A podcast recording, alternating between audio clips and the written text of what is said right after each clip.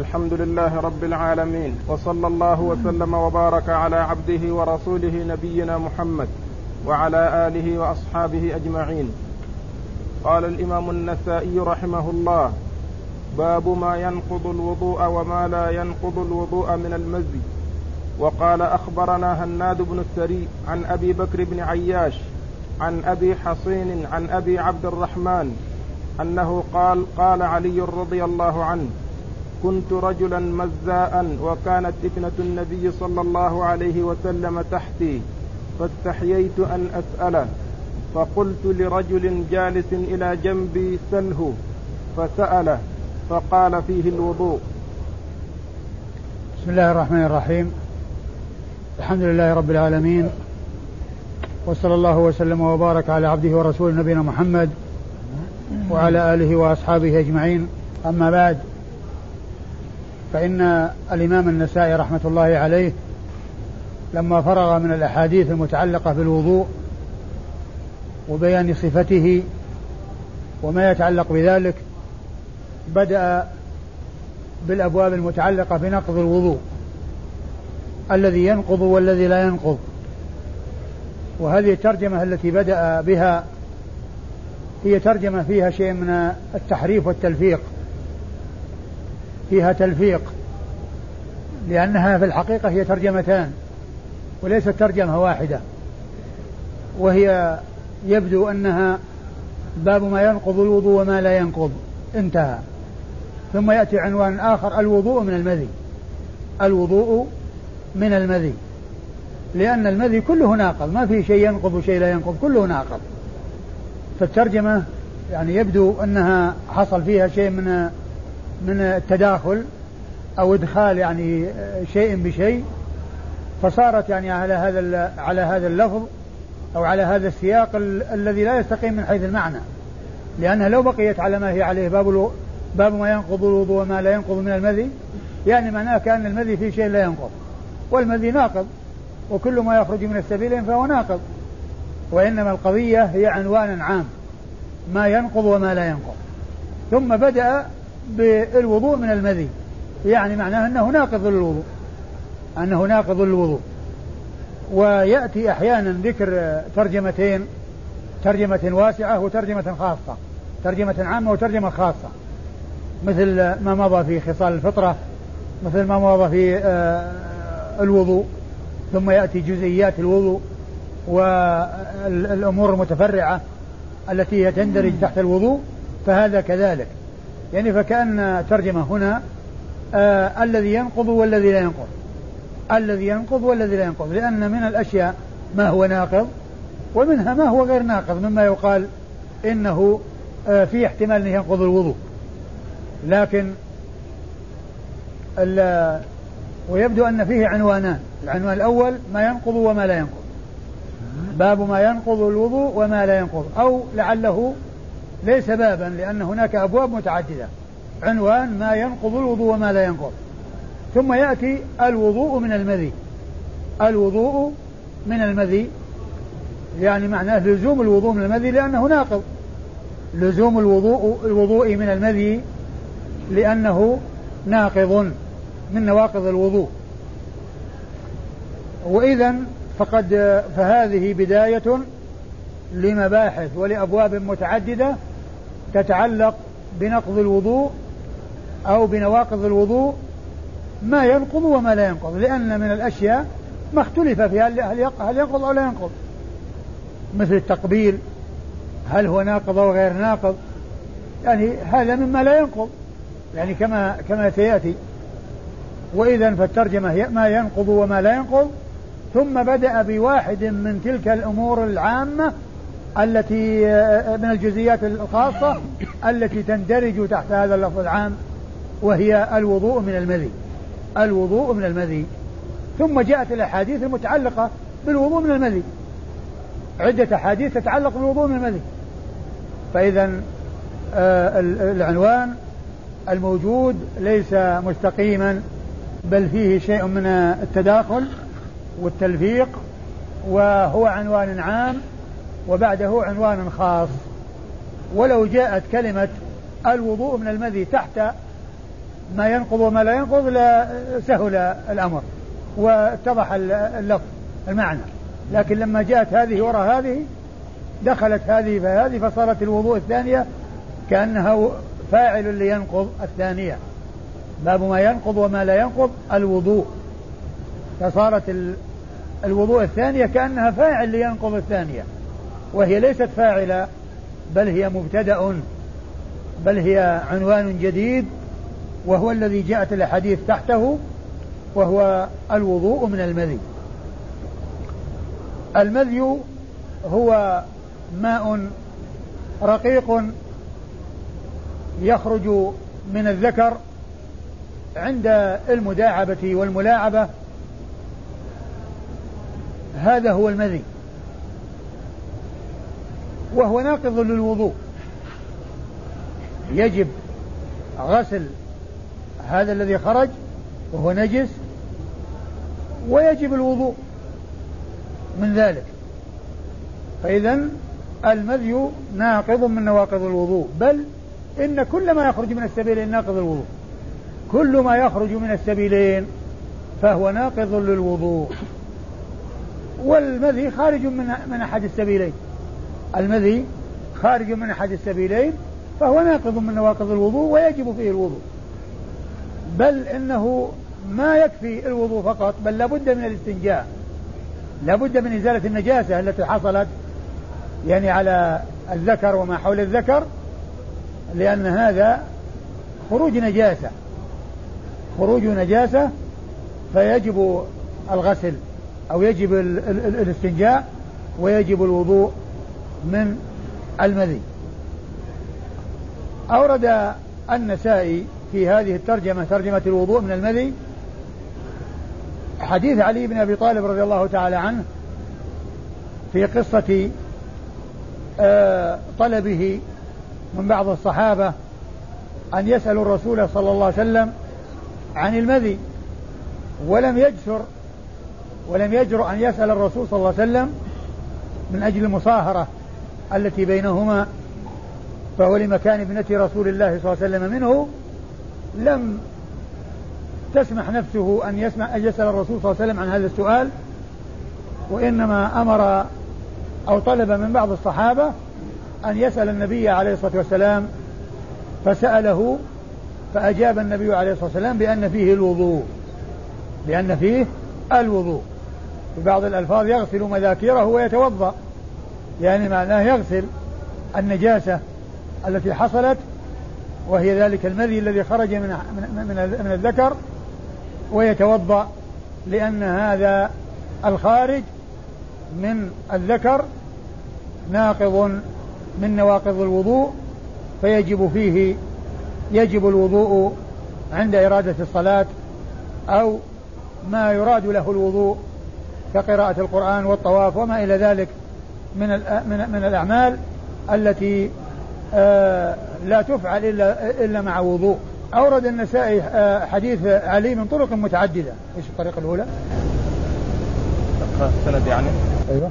قال أخبرنا هناد بن السري عن أبي بكر بن عياش عن أبي حصين عن أبي عبد الرحمن أنه قال قال علي رضي الله عنه كنت رجلا مزاء وكانت ابنة النبي صلى الله عليه وسلم تحتي فاستحييت أن أسأله فقلت لرجل جالس إلى جنبي سله فسأله فقال فيه الوضوء.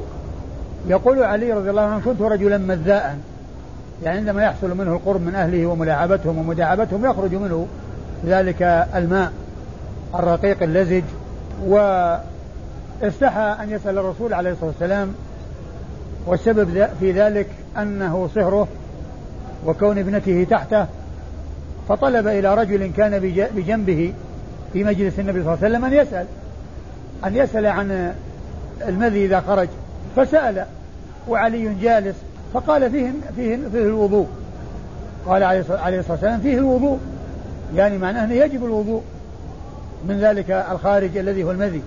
وإذا فهذا الحديث يدلنا على نقض الوضوء بالمذي وأن من أمذى فقد انتقض وضوءه ويجب عليه أن يتوضأ.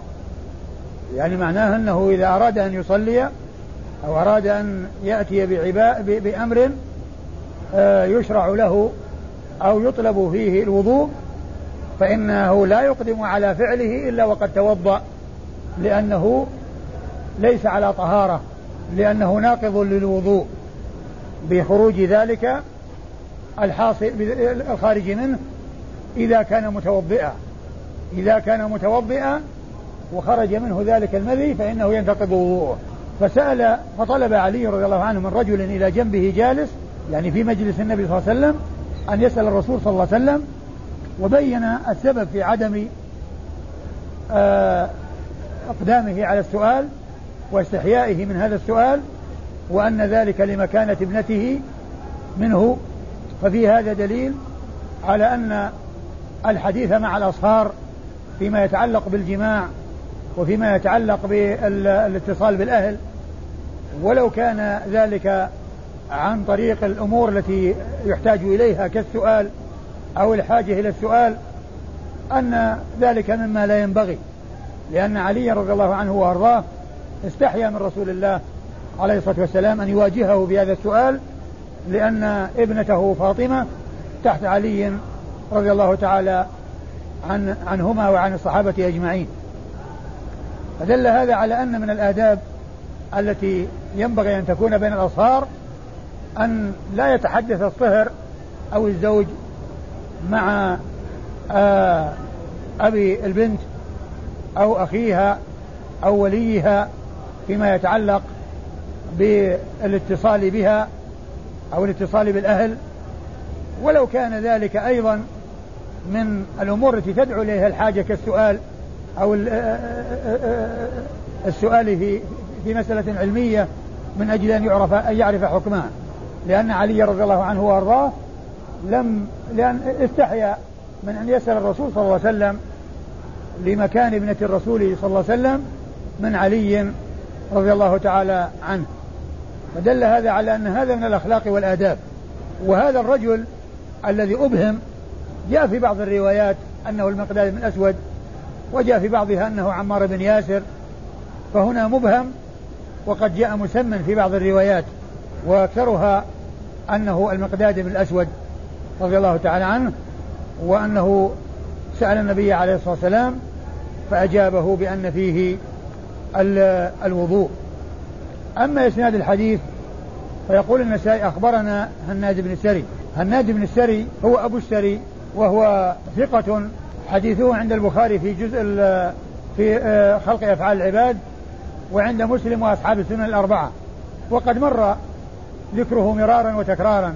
مر ذكر هذا الرجل الذي هو هناد بن السري مرارا وتكرارا وهو ثقة حديثه عند مسلم وعند البخاري في آه، آه، خلق أفعال العباد وعند أصحاب السنن الأربعة. عن أبي بكر بن عياش. عن أبي بكر بن عياش. أبو بكر بن عياش هذا سبق أن مر ذكره فيما مضى وهو مشهور بكنيته واختلف في اسمه على عشرة أقوال. قيل إن اسمه كنيته وقيل إن اسمه غير الكنية وذكر في ذلك عشرة أقوال في اسمه. لكن المشهور أنه مشتهر بكنيته ومعروف بكنيته. وأبو بكر ابن عياش هو آه، ثقة وخرج حديثه مسلم في المقدمة في مقدمة الصحيح. وأصحاب السنن الأربعة. خرج حديثه مسلم وأصحاب السنن آه، مسلم في المقدمة يعني ليس في الصحيح وأصحاب السنن الأربعة. ما خرج له البخاري. وما خرج له مسلم في الصحيح وإنما خرج له في المقدمة التي هي مقدمة صحيحه عن أبي حصين عن أبي حصين. أبو حصين هذه كنية وهو فتح الحاء على وزن عظيم وهو عثمان بن عاصم الأسدي الكوفي. عثمان بن عاصم الأسدي الكوفي وهو ثقة حديثه عند أصحاب الكتب الستة. وهو ثقة حديثه عند أصحاب الكتب الستة. عن أبي عبد الرحمن عن أبي عبد الرحمن وهو السلمي.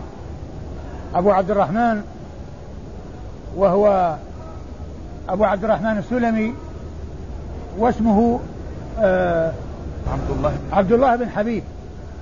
واسمه عبد الله بن حبيب. أبو عبد الرحمن السلمي وهو ثقة مقرئ وهو رجاله وهو حديثه عند أصحاب الكتب الستة. وهو حديثه عند أصحاب الكتب الستة. وهذا غير أبي عبد الرحمن السلمي المتأخر الذي آه، معروف الذي آه، له معروف بأنه آه، ينسب إلى التصوف وأنه صوفي وفيه له كلام كثير في الصوفية. ليس هذا. هذا متقدم. هذا يروي عن علي وعثمان وعن الصحابة وهو من المتقدمين. وأما ذاك فهو متأخر. هذا عبد الله بن حبيب ثقة وهو من رجال الجماعة. خرج حديثه أصحاب الكتب الستة.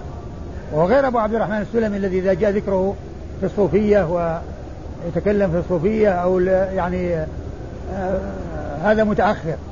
وأبو عبد الرحمن السلمي هذا الذي يروي عن علي وعثمان وهو من التابعين هذا ثقة وهو من رجال الجماعة. خرج حديثه أصحاب الكتب الستة. عن علي؟ نعم. عن علي رضي الله عنه علي هو أمير المؤمنين آه، علي بن أبي طالب رضي الله عنه وقد مر ذكره مرارا وحديثه عند أصحاب الكتب الستة. نعم. قال أخبرنا إسحاق بن إبراهيم قال أخبرنا جرير عن هشام بن عروة عن أبيه عن علي رضي الله عنه أنه قال قلت للمقداد إذا بنى الرجل بأهله فأمزى ولم يجامع فسل النبي صلى الله عليه وسلم عن ذلك فإني أستحي أن أسأله عن ذلك وابنته تحتي فسأله فقال يغسل مذاكره ويتوضأ وضوءه للصلاة. ثم أورد النسائي حديث علي رضي الله عنه من طريق أخرى وأنه قال للمقداد بن الأسود أنه آه، يطلب منه أن يسأل الرسول صلى الله عليه وسلم عن المذي إذا خرج وبين للمقداد أنه لا يحب أن يسأل ولا يريد أن يسأل هذا السؤال لمكان ابنة رسول الله صلى الله عليه وسلم منه.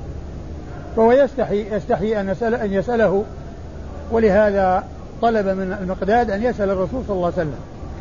فسأله المقداد فأجابه النبي صلى الله عليه وسلم بأن قال يغسل مذاكره ويتوضأ. ويتوضأ ويتوضأ. ويتوضأ؟ وضوءه للصلاة ويتوضأ وضوءه للصلاة. يغسل مذاكره ويتوضأ وضوءه للصلاة. فأرشد عليه الصلاة والسلام إلى أن إلى أنه يستنجي يعني يحصل الاستنجاء واستعمال الماء في الذكر وما اتصل به ويتوضأ الوضوء الشرعي الذي هو وضوء الصلاة. وعند ذلك آه، يرجع إلى الطهارة فيعمل وهو كذلك ما يعمل في حال وضوئه لأنه رجع إلى الطهارة لأن الحدث الذي آه، آه، انتقض به الوضوء زال برفع بأن رفع الحدث بالوضوء. بأن رفع ذلك الحدث بالوضوء وعاد الإنسان إلى أن كان على طهارة وكان متوضئا. فيأتي بالشيء الأشياء التي يأتي بها وهو متوضئ من صلاة وقراءة قرآن وطواف وما إلى ذلك من الأمور التي التي آه، لا بد من الإتيان بها للآتي بها. أن يكون متوضئا. لابد للآتي بها أن يكون متوضئا. فالحديث يدل على ما دل عليه الذي قبله إلا أن فيه ذكر غسل المذاكير. وإنما قال المذاكير مع أن الإنسان ليس عنده إلا عضو واحد لما يتصل به من الأنثيين التي قد يعني يخرج شيء قد يتجاوز محل الخارج فيصل إلى غير محل الخروج. فيحتاج الأمر الإنسان إلى أن ينظف كل ما حصل له شيء من وصول ذلك الماء الرقيق اللزج إليه. فإذا أرشد عليه الصلاة والسلام إلى غسل تلك النجاسة وإلى حصول الاستنجاء وإلى حصول الوضوء أيضا للصلاة وبذلك آه، يحصل ارتفاع الحدث وعودة الطهارة إلى صاحبها. أما إسناد الحديث يقول النسائي أخبرنا إسحاق بن إبراهيم. أخبرنا إسحاق بن إبراهيم وهو بن راهوية الحنظلي الإمام المشهور المحدث الفقيه الذي مر ذكره مرارا وذكرت فيما مضى أنه أحد الثقات الأثبات وأن حديثه عند الستة إلا من ماجه. وهو شيخ لأصحاب الكتب الستة إلا ابن ماجه. ابن ماجه لم يخرج له شيئا ولم يروي له في سننه شيئا. وإنما الذين رووا عنه وهو يعتبر شيخا لهم هم أصحاب الكتب الستة من عدا ابن ماجه. فهو ثقة إمام محدث فقيه وحديثه عند أصحاب الكتب الستة إلا ابن ماجه. وحديثه عند أصحاب الكتب الستة إلا ابن ماجه. أخبرنا جرير.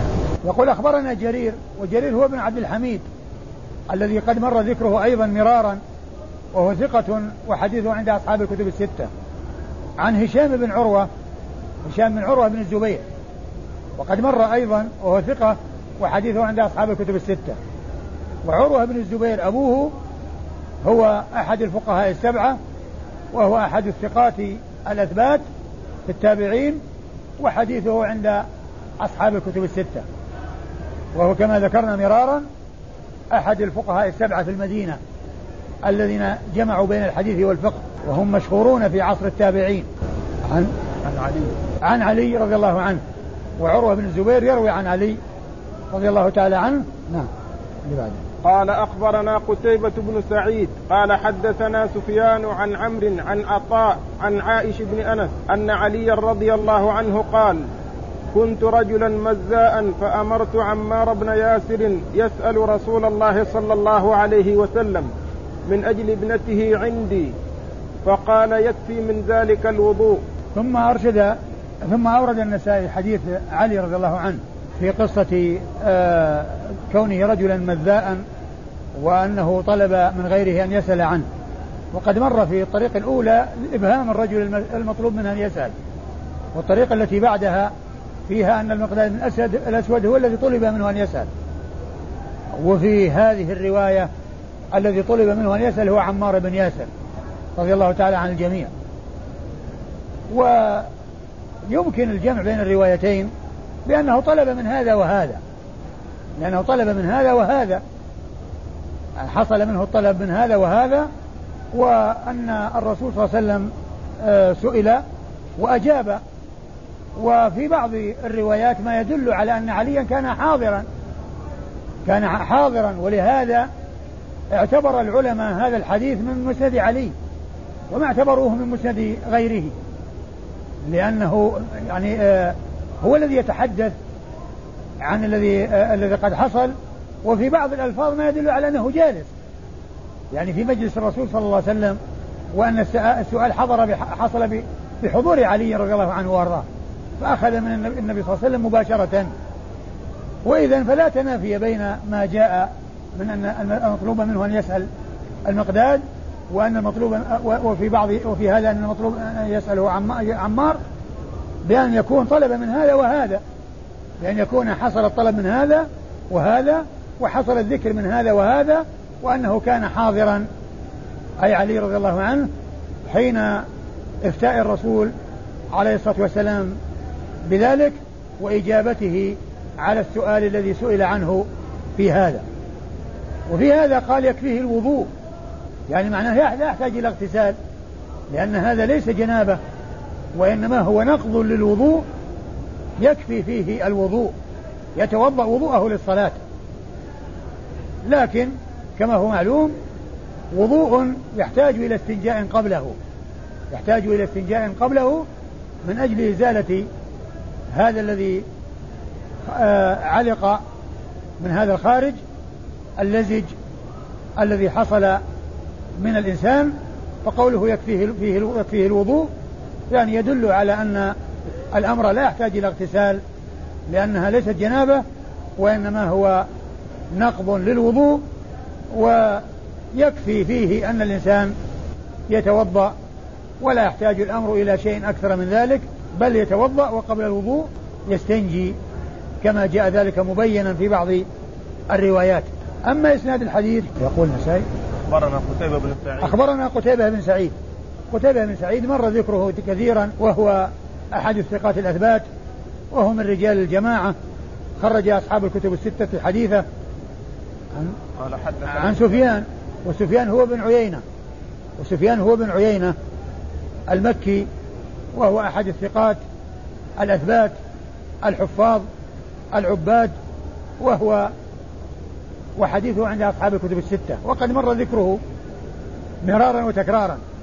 مر ذكر سفيان الثوري وسفيان بن عيينة كثيرا. وهنا المروي عن سفيان بن عيينة. عن عن عمرو. عن عمرو وهو بن دينار المكي.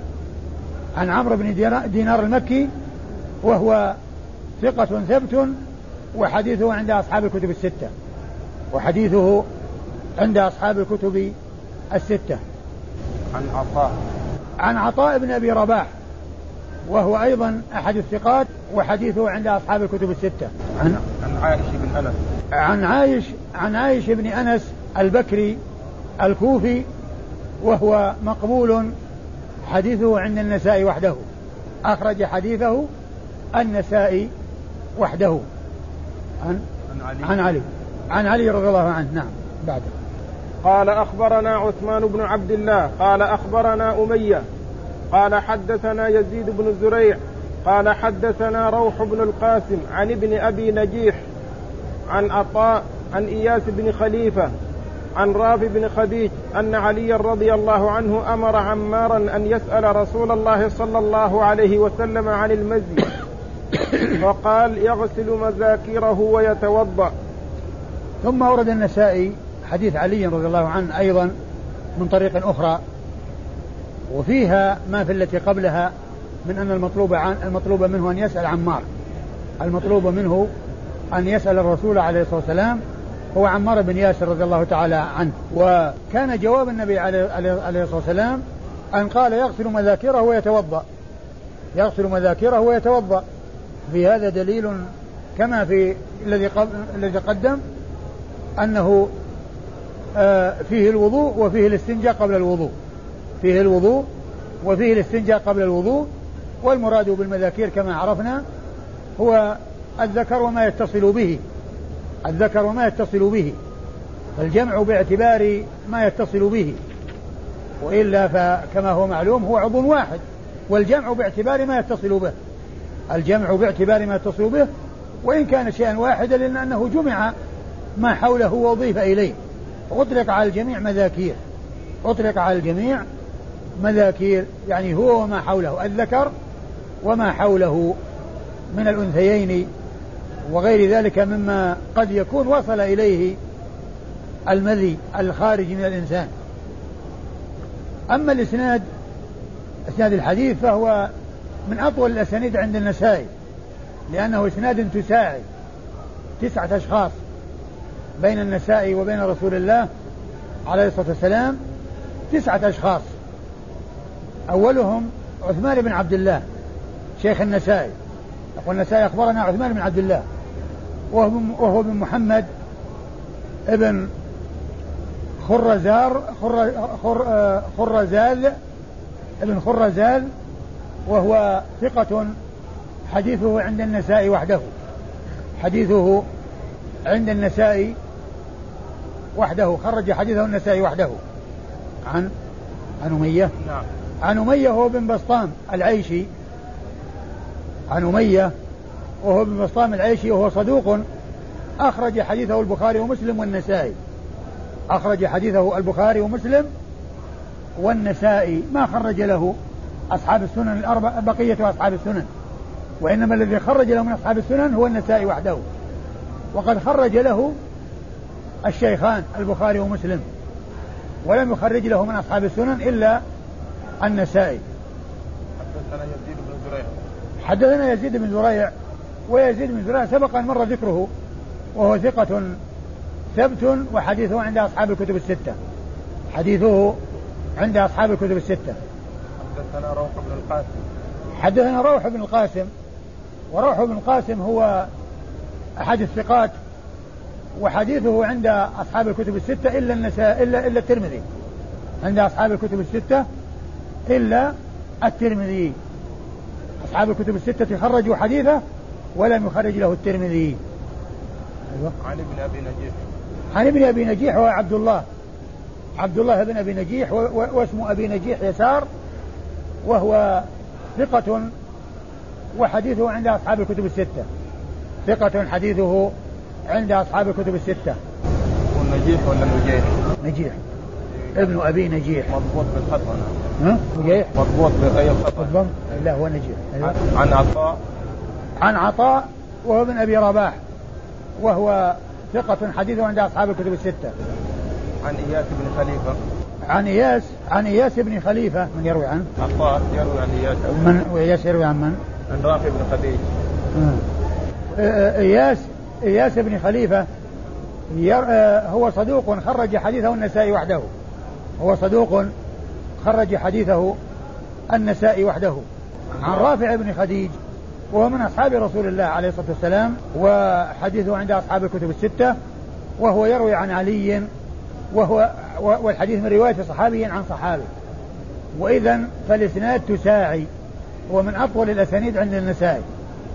لأن النسائي يروي عن عثمان بن عبد الله وعثمان يروي عن أمية بن بسطام وأمية بن بسطام يروي عن يزيد بن عن يزيد بن زريع ويزيد بن زريع يروي عن روح بن القاسم وروح بن القاسم يروي عن ابن أبي نجيح. عن عبد الله بن أبي نجيح وعبد الله بن أبي نجيح يروي عن عطاء. نعم. نعم. نعم. يروي عن عطاء بن أبي رباح وعطاء بن أبي رباح يروي عن إياس بن خليفة. عن إياس بن خليفة وإياس بن خليفة يروي عن رافع بن خديج ورافع بن خديج يروي عن علي. فتسعة أشخاص بين النساء وبين رسول الله صلى الله عليه وسلم فهو من أطول الأسانيد التي مرت بنا حتى الآن.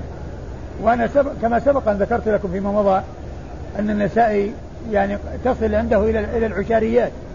يعني عنده أسانيد عشاريات لكن ما وصلنا إلى شيء منها وهذا الذي وصلنا إليه هو تساعي وهو من أطول الأسانيد عنده. والله أعلم. وصلى الله وسلم وبارك على عبده ورسول نبينا محمد وعلى آله وأصحابه أجمعين.